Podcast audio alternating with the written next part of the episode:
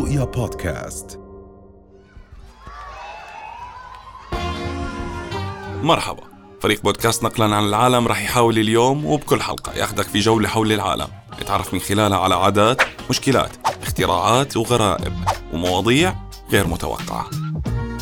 اليوم رح نحكي عن تاريخ الباباراتزي كيف وصلنا اليوم لمرحلة الشهرة من أجل الشهرة فقط. بس أول شيء خلينا نحكي عن شو هو الباباراتزي هو شخص بيحمل كاميرا وبيتبع النجوم في كل مكان وبيستنى لقطة فاضحة ليصورها وتتحول لقصة مثيرة تنشرها الصحف الشعبية. تاريخ الباباراتزي بلش من إيطاليا الفاشية تحديدا في السنوات اللي سبقت الحروب العالمية الثانية لما بدأ الاهتمام بالسينما وصناعتها. وأدرك وقتها الدكتاتور الإيطالي بينيتو موسوليني أهمية السينما في التأثير على وعي الجماهير وتوجه مثله مثل النازي أدولف هتلر. نحو عمل الأفلام الدعائية اللي كانت أحد الأسس اللي بنوا عليها دعايتهم قبل الحرب. عشان يقدر موسوليني يعمل هاي الأفلام الدعائية قرر إنه ينشئ استوديوهات سينمائية ضخمة لاستخدامها في تصوير هاي الأفلام. وفي عام 1937 تأسست مجموعة استديوهات شينشيتا الشهيرة واللي بتعتبر اليوم من أكبر الاستديوهات في أوروبا وواحدة من أهم الأسباب في تحول العاصمة الإيطالية روما لعاصمة السينما العالمية. بالمقابل موسوليني ما كان مهووس بأفلامه الدعائية بس ولكن كان مهووس برضه بالممثلين ونجوم السينما. ويقال إنه كان بيلاحق النجمات الشهيرات بالرسائل البريدية حتى إنه تقدم بطلب الزواج من النجمه الامريكيه الشهيره أنيتا بيج عشرات المرات. ووصفت بيج رسائله الرومانسية في صحيفة الجارديان البريطانية باللزجة والمؤثرة لما صرحت نجمة الأفلام الصامتة للصحيفة وهي في التسعين من عمرها. وانه موسوليني كان من معجبيها وتلقت منه عشرات الرسائل اللي بتحتوي دائما على عروض زواج.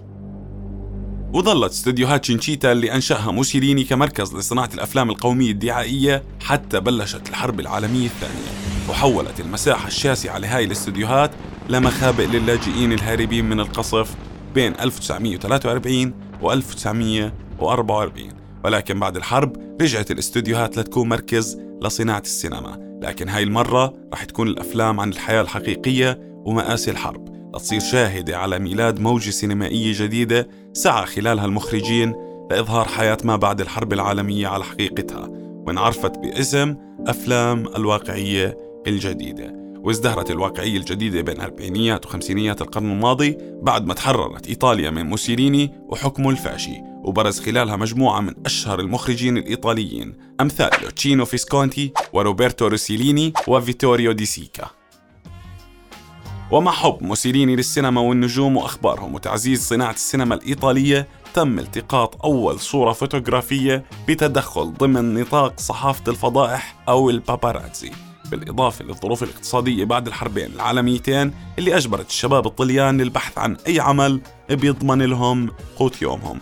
فخرج تاتسيوس كيرولي المصور الشاب اللي أدرك في هذاك الوقت أنه محرري المجلات ملوا من الصور المسرحية للنجوم ورح يدفعوا مبالغ كبيرة مقابل صيده الثمين وهو الصور المفاجئة للنجوم خاصة اللي بتتضمن مواقف محرجة أو مثيرة. فكان يلاحق النجوم وحاول يصورهم بشكل مفاجئ وكان من ضمن الصور الشهيرة للمصور تاسيو صورة للملك فاروق ملك مصر وهو جالس في مقهى مع امرأتين وحاول وقتها الملك السابق تحطيم كاميرته. والتقط مصور آخر اللقطة.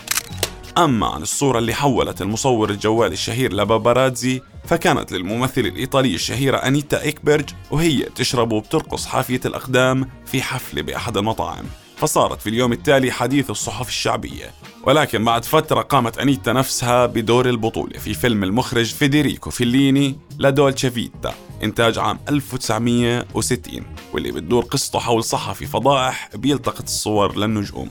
وبعدها أدرك أغلب محرري المجلات منطق مصور الباباراتزي الشهير تاتسيو في قيمة الصورة المفاجئة والصادمة خاصة بعد ما أحدثت صورته الأولى صدى لدى الجمهور ونهم لمعرفة المزيد عن أخبار النجوم الخاصة وفضائحهم.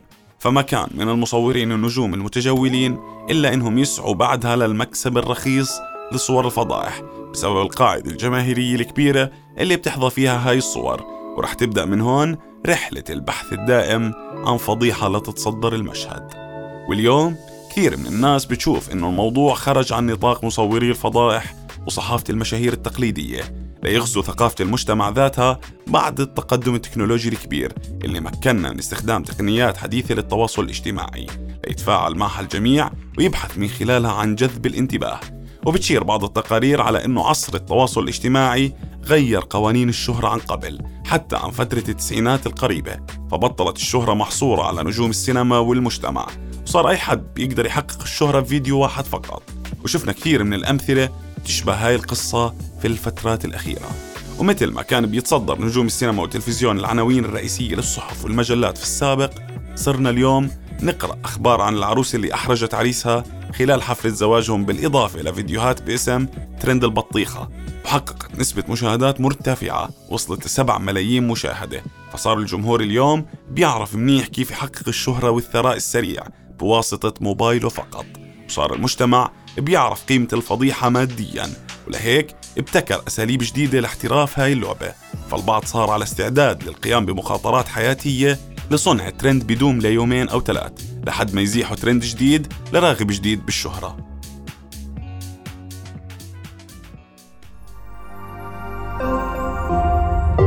رؤيا بودكاست.